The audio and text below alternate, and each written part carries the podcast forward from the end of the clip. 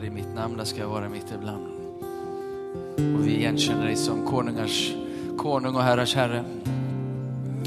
Det eviga ordet som utgår ifrån Fadern, utgår ifrån det eviga. Och du är här, så nära, så personlig.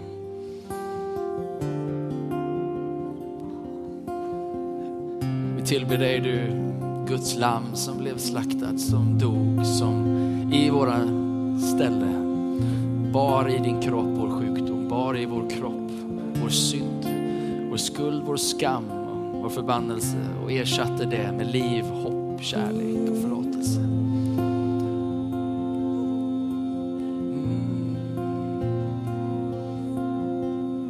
Du är världens ljus i ditt ljus ser vi ljus. Och vi idag vill förankra vårt inre i dig. Vi vill förankra vårt inre i dig Jesus. Därför kan vi inte sluta sjunga, tillbe, fästa vårt hjärtats inre vid han som inte bara dog men också uppstod. Jesus.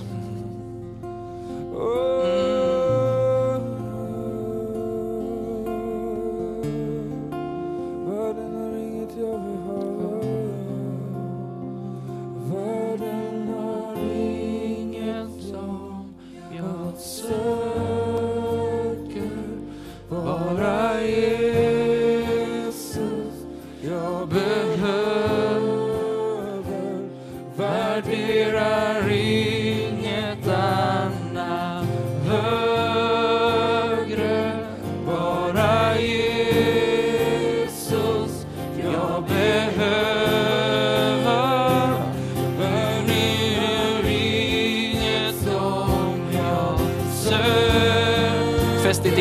Jesus den här stunden.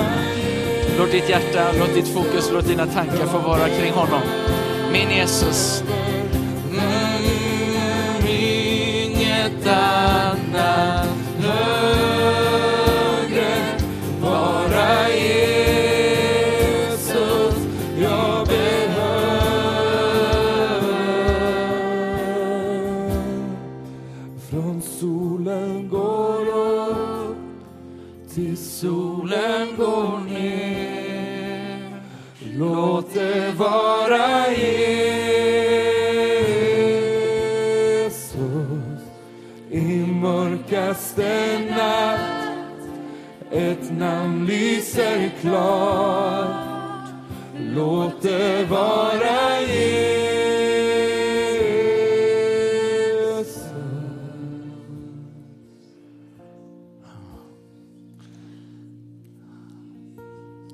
Halleluja. Vårt hjärta kommer alltid vara fäst vid något, vårt hjärta kommer alltid tillbe något. Varför inte välja den som är evig, han som är densamme igår, dag för evig tid, han som är, har all makt i himmelen och på jorden. Varför inte fästa sitt inre och sitt liv och sin, sitt hopp till honom som är oföränderlig och som har övervunnit och är uppstånden och sitter idag på Faderns högra sida om han har gått för dig idag. Så det handlar inte så mycket om hur hårt du håller tag i Gud den här dagen. Det handlar inte så mycket om hur hårt du kan liksom, utan det handlar om att han har fäst sig vid dig och han har tagit dig vid hand. Och han har sagt att jag ska aldrig någonsin svika dig, aldrig någonsin lämna dig. Jag ska vara dig trofast och trogen alla dina livsdagar. Till och med in i döden så kommer jag hålla tag vid din hand och jag kommer inte släppa det där. Utan jag kommer leda dig rakt in i min himmel. För jag kunde inte tänka mig en himmel utan dig. Det enda vi har gjort är någonstans att bara tagit emot det här och sagt ja, Jesus. Ber idag Herre att när vi öppnar ditt ord att det skulle få liv, att det skulle få tala till våra hjärtan där vi befinner oss. Att det skulle vara ett ljus på vår stig, en snitsel på vår bana, en fyr genom stormiga hav. Vi ber att ditt ord ska ge oss insikt, vishet. Vi värderar ditt ord högt idag Herre. Vi värderar ditt ord som guld, som skatter. Så heligande, hjälp mig att predika. Hjälp mig att öppna ordet. I Jesu namn. Amen. Och varsågod och sitt ner vänner. Tack Jesus.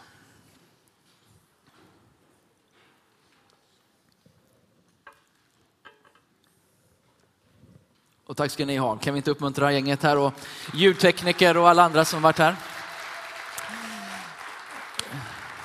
David Robertsson var, jag såg dig tidigt här, dra sladdar och fixa. Vet du. När, du redan, när du låg i sängen då var han här. Och... Kan vi inte ge David en applåd idag? Tydligt.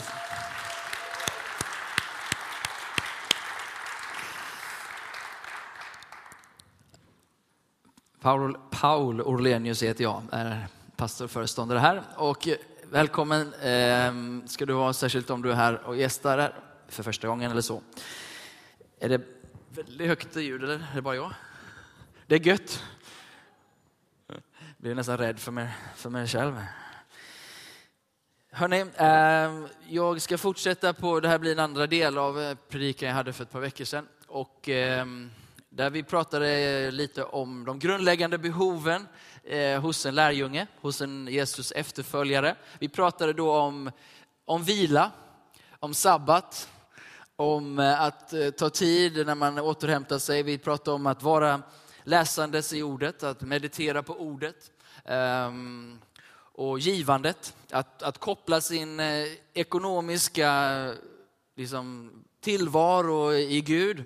Att eh, inte låta det bli en stress, en börda, utan låta Gud få öppna himmelens fönster över oss. Bibeln uppmuntrar oss till tionde och givande för att dels för att eh, lösa oss från girighet, men också att öppna upp Guds förrådshus, för, Guds förrådsfönster, eller vad heter det? Eh, himmelens förrådshus över våra liv. Eh, men vi ska idag prata om vardagskyrka. Eh, vardagskyrka. Eh, och om du går till Apostlagärningarna kapitel 2 eh, så är det några saker som den första tidens församling gör som är grunden till att vi faktiskt idag finns kvar som kyrka. Att, vi, att den kristna tron och läran har eh, över, överlevt all, all förföljelse. Och om du går till kapitel 2 så står det så här från vers 42 att de troende lärjungarna, de höll troget fast vid, för det första, apostlarnas undervisning, för det andra vid gemenskapen, för det tredje brödsbrytelsen och det fjärde bönerna. Ehm, och i den här gemenskapen så delar de allt gemensamt och de, det står att de varje dag var troget tillsammans både i templet alltså i gudstjänsten och i hemmen. Um, och där delade man måltid med varandra, jublande in i glädje. Och de var också sådana att de prisade Gud och dessutom var omtyckta av allt folket. Men du skulle kunna göra en liten punktlista där och se att det här höll de på med. Det här var det som var centralt och det gjorde att kyrkan fortsatte eh, och och förändra och påverka människors liv och senare också samhället. Man höll fast vid apostlarnas lära. Vi sjöng ut den alldeles nyss här, trosbekännelsen. Vi tror på evig fader, vi tror på sonen, vi tror på den heliga ande, vi tror på helig kyrka. Vi tror, allt det här eh, det innefattas i det med apostlarnas undervisning. Till exempel. Men en sak som de gjorde som var väldigt kännetecknande för den första församlingen, att de var vardagskyrka tillsammans. Eh, de var inte bara söndagskyrka, de var inte bara, utan de var vardagskyrka. Ehm, och därför så kunde de också vara vardagskristna, tänker jag. Kyrka, eklesia eller koinonia, två olika grekiska ord. Eklesia handlar om de som av Gud utkallade att vara tillsammans för ett särskilt syfte. Eller koinonia som är ordet för gemenskap. Men kyrka är platsen där de troende möts, där de lärjungarna samlas. Eh, men det som är intressant det är att just det här vardagskyrka, det fanns det vardagliga gemenskapen och delandet av varandras resa som lärjungar. Eh, och, därför tror jag att de blev också vardagskristna. Och det är det vi har som liksom tema under det här våret. Tron i vardagen, vardag, helande i vardagen, profetiskt i vardagen. Eller, eh, vi pratar också om, om våra arbetsplatser hur viktigt det är att få uttrycka Guds rike på våra arbetsplatser. Vardagskristna tror jag har vardagskyrka för att kunna vara vardagskristna. Ehm, och därför så blir kristna verknings, verk, verk, vad säger man, verkningsfulla, säger man inte, men ehm, eh, har stor verkan, påverkan, därför att, eh, därför att man lever i vardagskyrka. Dit är jag på väg, men innan jag ska komma dit så vill jag ta er till en annan bibelberättelse. Ehm, så det är två budskap lite parallellt idag. Ehm, temat är vardagskyrka, men undertemat är ut ur skam och isolering, in i heder och gemenskap. Jag tror Gud vill ta oss ut ur skam och han vill föra människor ut ur skam och isolering och han vill föra oss in en plats där vi får uppleva att vi är hedrade som människor, att vi har ett värde, att vi tillhör och att vi är en del av gemenskap. Um, och det finns en fantastisk berättelse om det här i Gamla Testamentet, Andra Samuels bok kapitel 9.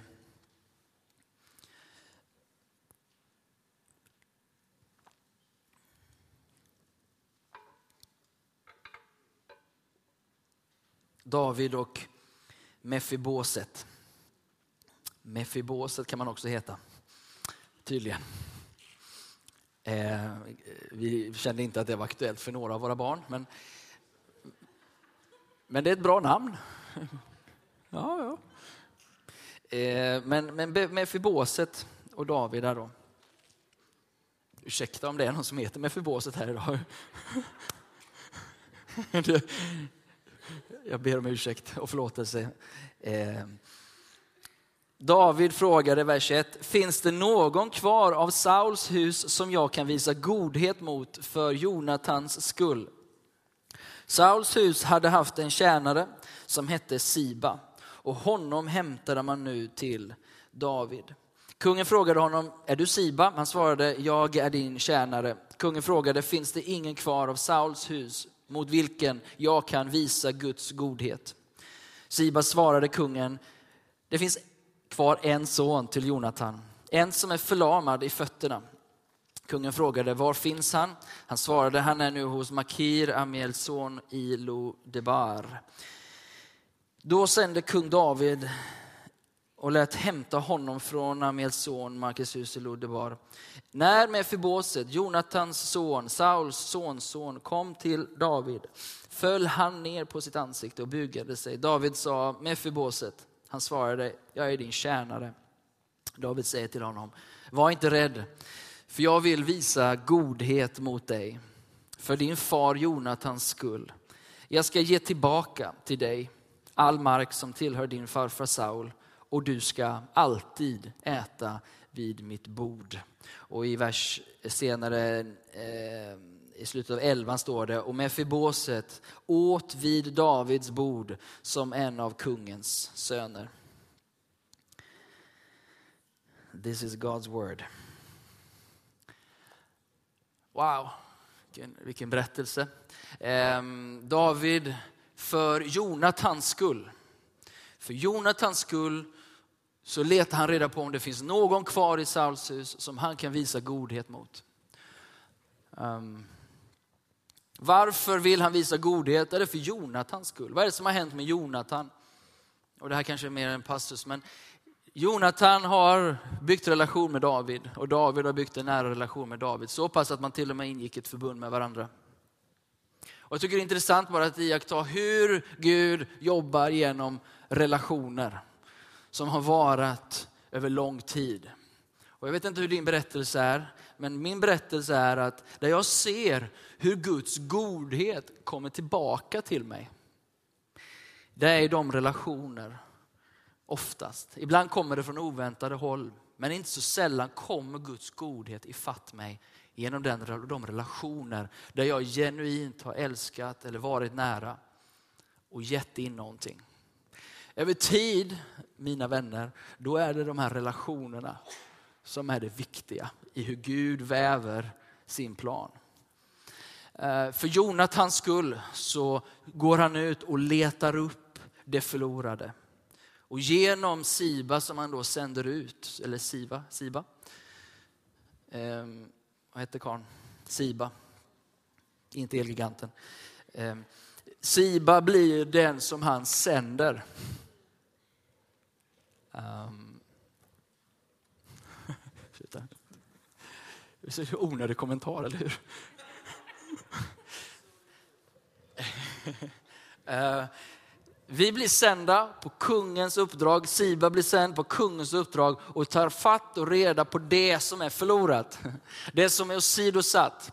Det som lever i skam för vad deras, hans generationer tidigare gjort, nämligen försökte döda David på grund av den, i den flykten, när, när David har vunnit seger, Saul och Jonathan är döda, och då tar barnflickan, den här eh, stackars Mefiboset, inte att han heter Mefiboset, men han blir tappad också. Och i det tappet så, så skadar han båda fötterna och är förlamad och lever nu i det här som heter Ledebar, som betyder öde betesmark. Han är ingenstans i livet.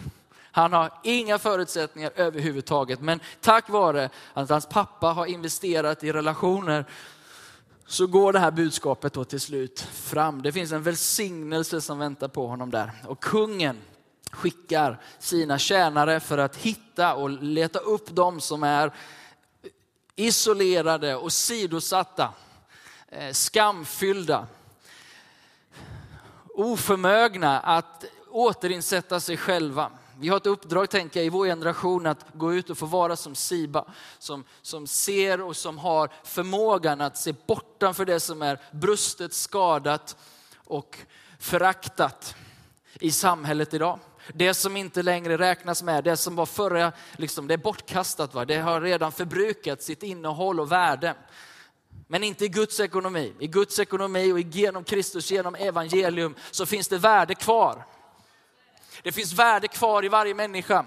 Det finns värde kvar i varje, varje barn, varenda en som har blivit plågad av det här livet, söndertrasad av det här livet, så finns det värde kvar. Budskapet kyrkan har till varje enskild individ, det finns värde kvar, det finns hopp kvar för kungen. Det sitter en ny kung på tronen. Och han bjuder in dig till att äta med honom. Att vara en del av gemenskap, att bli insatt som, insatt som kungens son igen.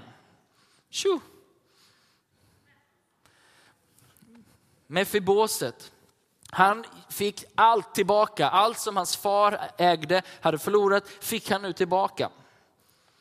Och där tänker jag, där händer frälsningen. Det händer när vi går från mörker till ljus, när vi återinsätts, när vi får tillbaka det som har blivit stulet av oss genom synd, genom omständigheter, genom dina fel och andras fel och hela skapelsens obalans och vad det nu kan vara.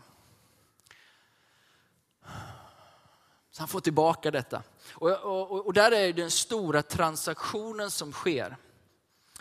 Han blir eh, och får tillbaka värdet i samhället. Han får tillbaka sin värdighet och han är nu i kungens hus. Nu står det inte hur länge han har levt i Ladebar. Men jag är ganska övertygad om att Ladebar har inte varit en trevlig plats för Mefiboset. Ladebar ödesmark, förlamad, skamfylld, vet att han kan inte vara öppen med sin historia.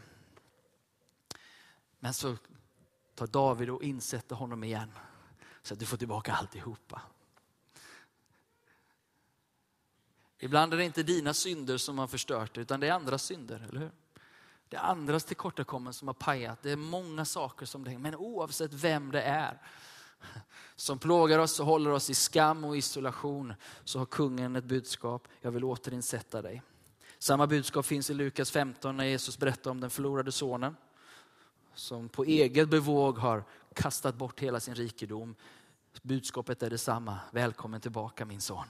Jag har längtat efter dig. Här har du ringen, signetringen. Här har du kläderna, här har du eh, sandalerna. Du får allt tillbaka. Men det som måste komplettera den här berättelsen, det är att han inte bara får allt tillbaka, utan det är att just att han får sitta vid kungens bord. För även om han i de facto har fått tillbaka sin värdighet och skammen borde inte vara där längre så har han gjort en lång resa på sina haltande fötter. Och den här skammen har ätit sig in i hans system på insidan. Så jag skulle vilja suggest, föreslå att det, skammen på utsidan den blev återupprättad i och med frälsningen, i och med att han fick tillbaka. Men skammen på insidan den upprättas genom gemenskap. Den upprättas genom att vara på en plats där man blir älskad och hedrad och påmind om sitt sanna värde genom den resan som vi alla måste göra. Att i gemenskap så har vi möjlighet att säga att du är värdefull. Jag vet vad du har varit med om. Jag vet vad, vad jobbigt det var med dina föräldrar. Jag vet den skilsmässan som du gick igenom. Vi, vi förstår din resa. Men du måste komma ihåg att ditt värde vem du är, vem du är insatt att vara. Du sitter vid kungens bord som en av hans söner nu.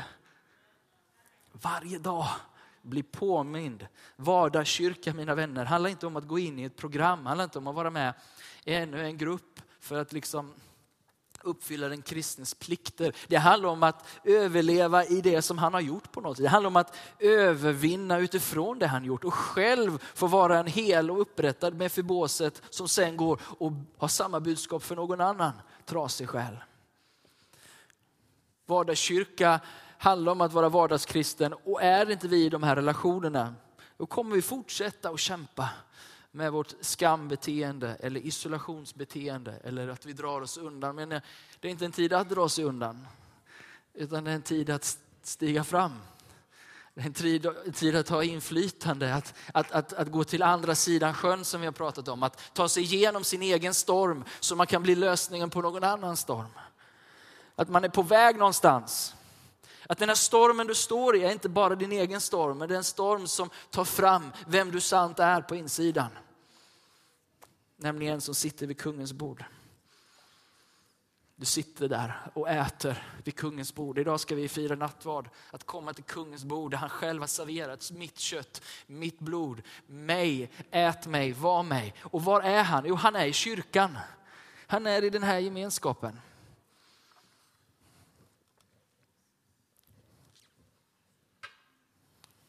David han är en bild av Kristus som letar upp det förlorade och återinsätter till full värdighet. Jesus är den som söker upp det som är förlorat och föraktat. Han ger tillbaka det som blivit stulet och insätter oss i gemenskapen. Och han krossar vår skam. Han om intet gör skammen på korset. Han om intet gör allt det av negativt inflytande som din historia skulle kunna ha. Allt det tar han hand om på korset. Det är dags att ge lite upprättelse till namnet Mefiboset. Kanske någon som under tiden har kollat upp vad det betyder. Det betyder skammen är krossad.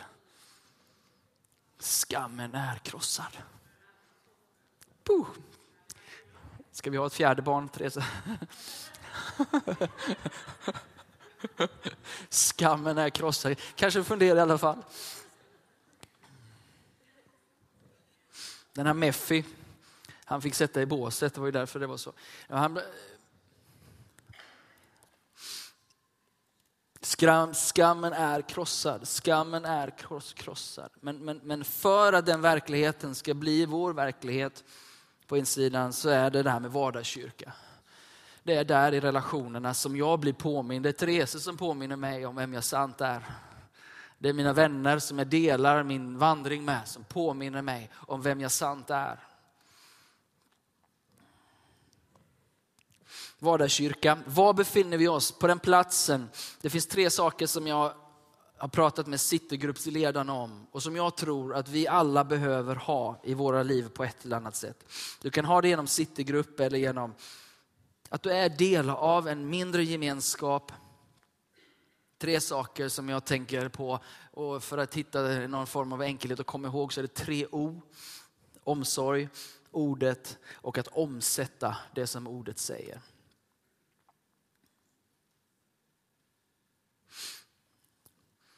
Igen kopplat tillbaka till Apostlagärningarna 2, där det står att de höll troget fast vid apostlarnas lära och vid gemenskapen.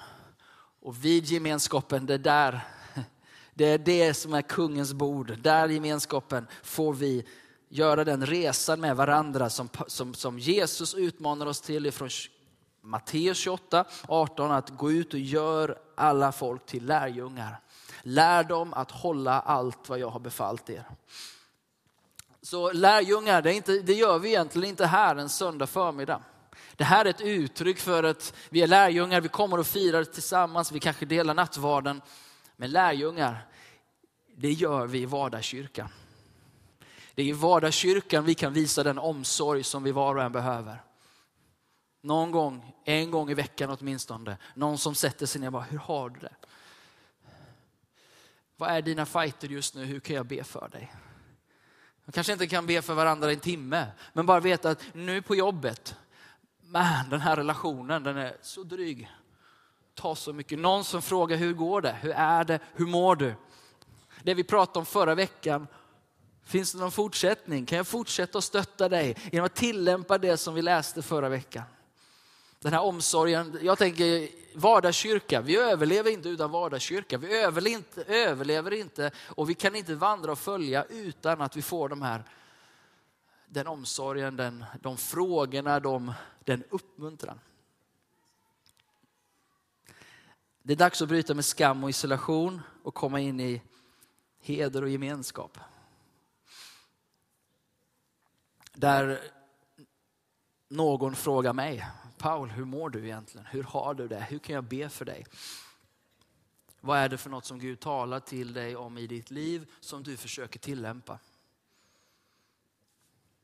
Tänk om vi börjar ställa varandra de frågorna och vi bygger någon form av um, tillit och närhet och gemenskap där man faktiskt kan vara så ärlig att berätta hur det egentligen är. För det är först när vi har tillit till varandra som vi börjar prata om, ja, godnatt, eh, där vi har problem med skam till exempel. Hur ska jag kunna berätta för dig det jag skäms för om inte jag känner dig och litar på dig? Eller hur? Men var har vi de där platserna? Var, var finns de där relationerna som David och, och Jonathan hade byggt upp? Förbundsrelationer. De vet att jag är med dig på den här resan och jag drar mig inte undan om det blir lite jobbigt. Jag lämnar dig inte i sticket. Relationer som gör att efter deras död så letar man reda på deras släktingar för att visa godhet. Relationer som man har med sig men som är ärliga och när man faktiskt delar det som är djupare. Vardagskyrka, att dela kring en måltid, att dela livet, fråga hur är det, hur går det, hur kan vi tacka Gud tillsammans, vad är det Gud gör i ditt, i ditt liv. Så för det första så skulle jag stryka under, du behöver omsorg. Du behöver någonstans där människor genuint bryr sig om dig. Och där du får genuint bry dig om någon annan. Och göra det på en regelbunden basis. Bygga de här förbundsrelationerna, bygga de här relationerna som står bredvid varandra. Skuldra mot skuldra. Axel mot axel. Tack så mycket Alfred. Okej, okay, sen behöver vi lyfta fram ordet. Vi behöver lyfta fram ordet tillsammans. Ehm,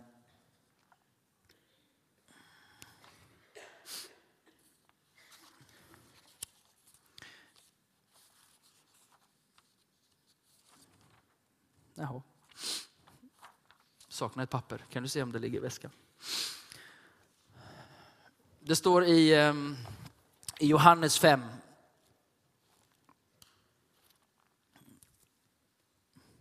Nej, vi tar det från huvudet.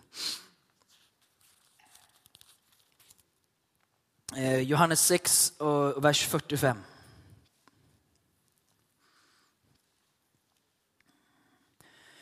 Det står skrivet hos profeterna. De ska alla ha blivit undervisade av Gud. Var och en som har lyssnat till Fadern och lärt av honom kommer till mig. De ska alla ha blivit undervisade av Gud själv. Var och en. Nya testamentet är väldigt tydligt med att det finns en smörjelse, en förmåga för varje troende att läsa ordet och den heliga ande undervisar och lär dig. Det finns ett löfte om att du ska få bli undervisad av Gud själv. Och när du blir undervisad av Gud själv, ja vad händer då? Jo, då börjar du lyssna till Fadern. Och de som lyssnar till Fadern kommer till Jesus. Jag tänker mig att som sittergrupper eller de här små gemenskaperna, det är, det är platser där vi öppnar ordet och vi låter ordet tala till oss. Vi läser bibeltexterna, vi ställer frågorna och vi låter den heliga ande undervisa oss tillsammans. Där ordet blir i centrum, där vi får sätta oss och låta oss speglas, eh, undervisas, ledas genom ordet. Att tillsammans tugga på ordet, att tillsammans förstå djupet, bredden, höjden och längden av det som han har gjort. Så det är min utmaning till Citygrupperna.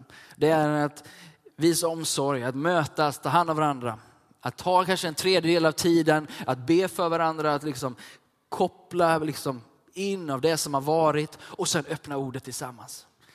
Ledaren eller någon annan har förberett en bibeltext och så läser vi texten och då låter vi texten överrumpla oss, överraska oss, överösa oss med Guds godhet. Att låta det här dagliga ordet, ordet beskrivs i Bibeln som mat. Och kungen han tar oss till ett dukat bord. När vi kommer tillsammans, det här är ett dukat bord, men när vi kommer och slår upp den här och så läser vi ordet tillsammans och låter ordet ge oss vad vi behöver. Och den heliga ande ska undervisa dig och lära dig. Och det innebär egentligen att var och en av oss här skulle kunna starta en vardagskyrka. Om vi uttrycker oss av sådana begrepp. På din arbetsplats till exempel. Vilka har du där som du kan läsa ordet tillsammans med? Vilka finns det i din närhet som faktiskt, de kanske inte ens är troende än. Men behöver få öppna Bibeln och lära sig och läsa ordet tillsammans. Ordet är levande och verksamt, eller hur? Ordet är skarpare än något tvegat svärd. Det, det skär in och vad som händer det är att vi blir påminda om vem vi är. Det blir på, vi blir påminda om vem Gud är. Vi blir påminda om verkligheten genom ordet. För det tredje så behöver vi i den här vandringen hjälp att omsätta ordet i handling. Att ta det vi läser, att ta det vi hör i ordet från anden. För det är så det funkar. Vi, lä- vi öppnar Bibeln och på något märkligt sätt, för dig som är ny i det här, så, så börjar texterna tala till dig. Det här är ingen lagbok, det här är en bok som beskriver vår Gud och vem du är. Och genom den heliga ande som är hos varje människa och bor i varje troende undervisar oss genom att läsa, genom att det öppnar sig för oss. Men inte tänkt som bara en filosofisk reflektion, utan det är tänkt att förvandla våra liv. Det är tänkt att säga till Mefiboset varenda gång, skammen är krossad, du är inte längre slav, du är fri. Du är inte längre i ödemarken, du är vid kungens bord. Det är tänkt att påminna oss om vem vi är och vad vi har och vad han har gjort för oss. Att genom ordet, men, men, det, men det ska ner. Så det betyder att det på något sätt får påverka oss. Jesus säger, salig är den som bygger sitt hus på klippan och inte på en sandig strand. Som vi sjunger i, Bibel, i söndagsskolan. Utan vi bygger på klippan. Och vem är det som bygger på klippan? Jo, det är den som hör och som faktiskt gör det som vi har läst tillsammans. Och där är den stora utmaningen, eller hur? Att vara ordets görare och inte bara dess hörare. Idag så lyssnar du och jag pratar, eller hur? Men det var inte det som var syftet, utan syftet var att vi skulle höra och sen göra. Och där kommer vardagskyrka, där kommer begreppet gemenskap, relationer. Hur, Paul, kan jag tillämpa det här i mitt liv? Hur kan du tillämpa det? Och hur upplever den heliga ande leda oss att tillämpa det? I Citygruppen då, att avsluta varje samling, att nu har vi öppnat ordet, nu har vi läst det tillsammans. Vad är det den heliga ande undervisar oss om? Att i bön sitta och fundera, Gud, är det någonting som jag har möjlighet att tillämpa i mitt liv? Som hjälper mig och förvandlar min vardag.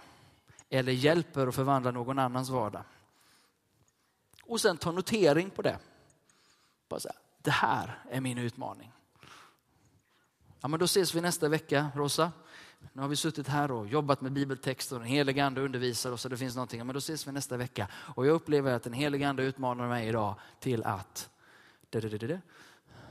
Ja, men då ska jag komma ihåg att be för dig också. När jag går ut och blir ordets görare. Ja, underbart. Och så möts vi nästa tisdag så frågar jag dig, hur gick det? Ja, det var tufft. Hur kan jag stå med dig? Vi ber för dig igen. Du frågar mig, hur har det gått i din utmaning? Det här skulle jag önska blev eh, ett sätt som vi levde på. Ett sätt som vi, varför? För att vi, precis som vi sa med Mefiboset, han har fått alla tillhörigheterna tillbaka, han har fått allting, men det är vid bordet, det är vid kungens dukade bord som det här sätter sig på insidan. I gemenskap, i att dela resan, att påminna varandra om vem Gud är, vem vi är och på vilket sätt vi kan följa honom i vår vardag.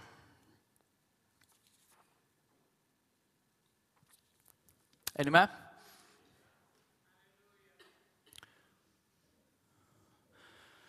Så vardagskyrka blir grunden för vardagskristendom. Utan vardagskyrka får vi söndagskristendom. Och vem vill ha det? Vem behöver mer av söndagskristendom? Som betyder att vi delar upp vårt liv i sex eller sju delar. Då. En del, det är när vi möts här och sitter och tittar varandra i nacken och säger frid. Och det är ju fantastiskt vilket härligt kristet liv vi har. Du tycker det är roligt? Ja, det, ja, det är så starkt va? på söndagar när vi kommer samman. Ja, det är fantastiskt. Men vad med vardagskyrka då?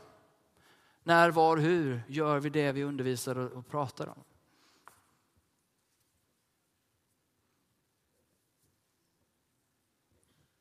Mm. Det finns för många med förbåset, kanske både i kyrkan men inte minst ute i, i, i, i livet vi rör oss. Som behöver höra, du är inbjuden till kungens bord. Men vems bord är det då? Ja, nattvardsbordet. Vi tror på den, den nåd och kraft som utgår härifrån. Det finns någonting som Gud har instiftat och som händer när vi tar nattvarden. Och de första kristna höll fast vid det. Därför så har traditionen gått vidare. Det är viktigt. Vi tror på bönegemenskap. Vi tror att tisdagen är viktig för församlingen och de andra bönetillfällena vi har. Vi tror att det är viktigt för oss som kyrka men också för dig som individ att komma samman och be tillsammans. Men gemenskapen, ja, vi lärarna är viktig också. Men gemenskapen, vardagskristendomen, vardagskyrka som gör oss inte då verkningslösa. Baksidan av utan vardagskyrka tror jag att vi blir verkningslösa. För då blir det söndagskyrka av det. Är ni med? Är du med Maj-Britt?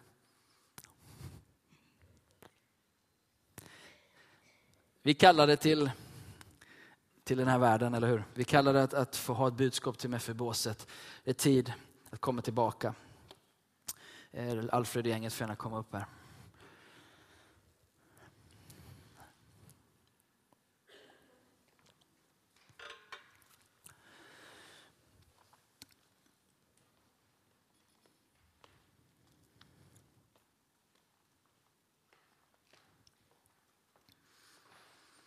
Jag tror att Gud idag vill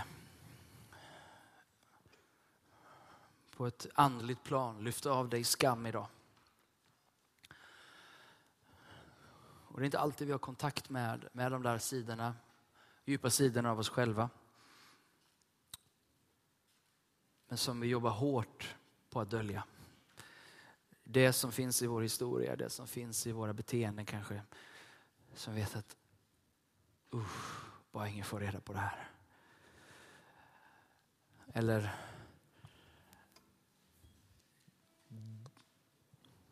någonstans har köpt lögnen som säger, jag förstår att inte folk vill ha med mig. För jag har gjort allt det här.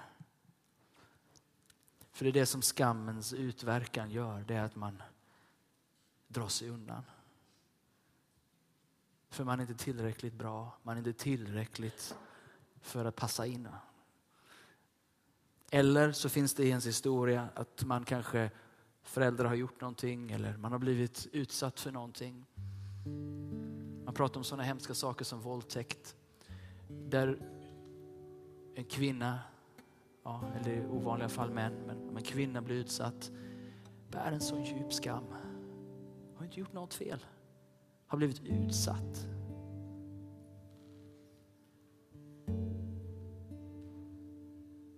Man känner sig smutsig, man känner sig ovärdig.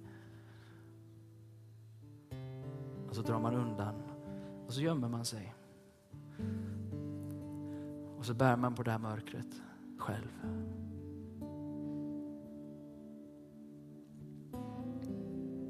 Min bön idag är att Gud skulle få bara visa sin godhet lite grann för dig.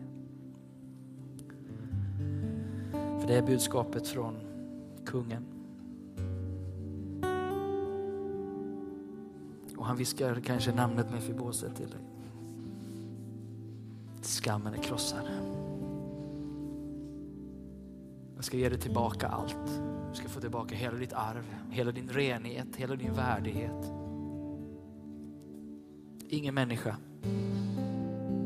ingen erfarenhet, ingen omständighet ska få bestämma värdet på dig. Gud har satt sitt värde på dig. Du var värd att dö för. Guds son. Om du anser han har något värde, då ser du också ditt värde speglat i sonen.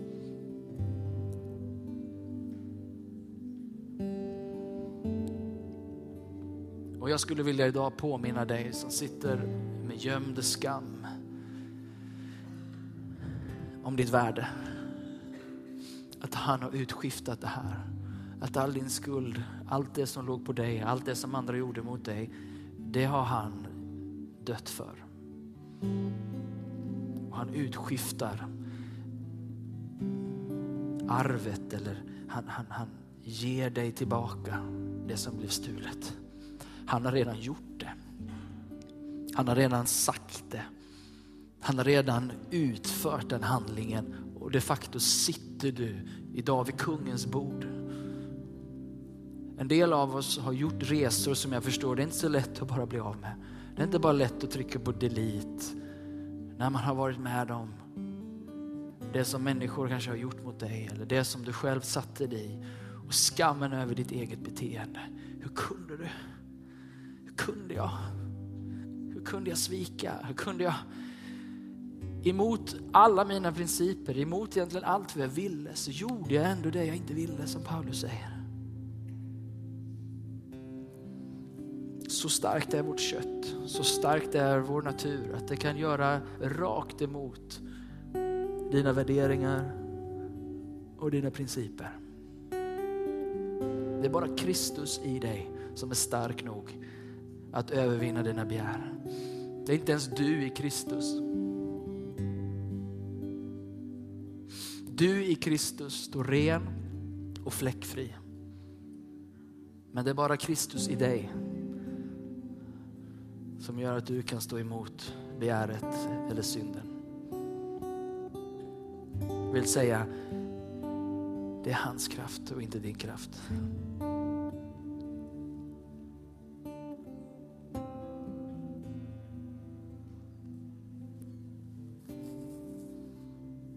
Någon här tror jag skulle behöva förlåta sig själv.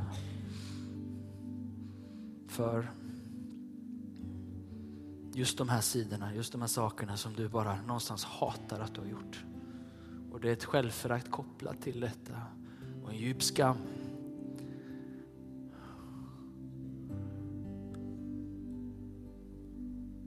Men på samma sätt som han har förlåtit dig, att också förlåta dig själv och släppa taget om det du inte kan göra ogjort ändå och ge det till Kristus. För han kan ta det mörkaste av det mörkaste och förvandla det till ljus. Jag vet inte hur han gör det, jag vet bara att han är uppstånden från de döda. Och han har bevisat att inte ens döden har patent på våra liv.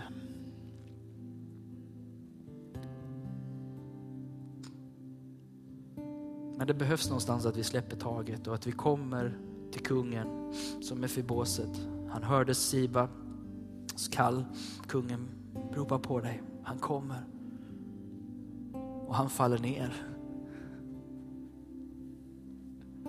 Och hans respons är, hur kan du ens tala till mig, jag som är en hund?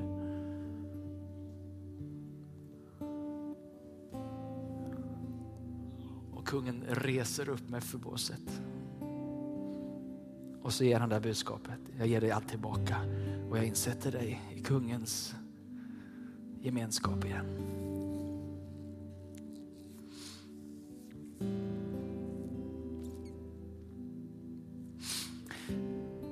Och jag tror att Gud vill göra någonting i den här stunden när vi är i hans närvaro. Där det finns ett helande för dig, där det finns en upprättelse, ett budskap av, av värde, av budskap av precis det jag sagt nu. Men utan vardagskyrka, utan att liksom på något sätt relationerna får fortsätta och stötta dig och du med andra. Att få bara fortsätta och dela den här resan. För vi, ibland händer det i en sekund, va? men det är den här resan som sen Mefiboset får göra, där han blir etablerad i det som är hans nya identitet. Eller gamla identitet som upprättar. Vill eh, nattvardstjänarna förbereda sig?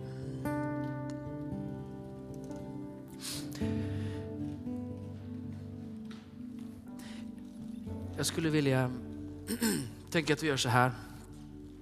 Vi ska strax gå till nattvarden och det här är, det finns ingen kraftfullare plats att bli bekräftad i det som han har gjort för dig.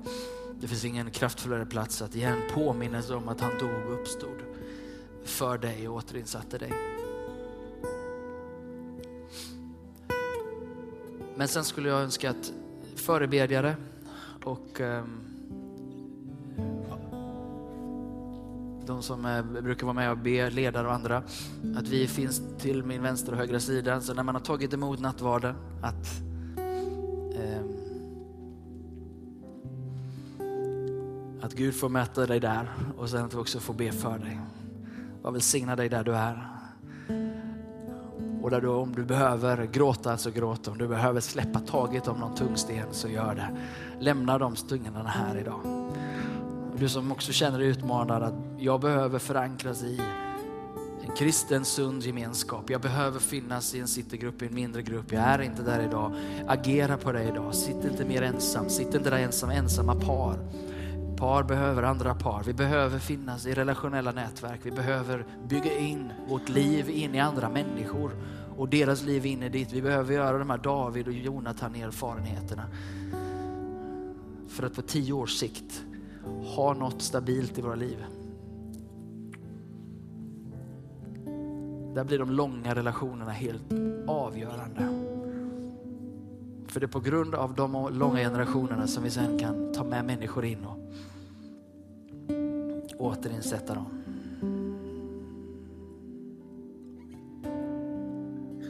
Ska vi göra så att vi ställer oss upp och så kom inför Herren och förbered ditt hjärta för att bara låta honom få möta med dig, ge sitt levande bröd, sin förvandlande vin, blodet till dig.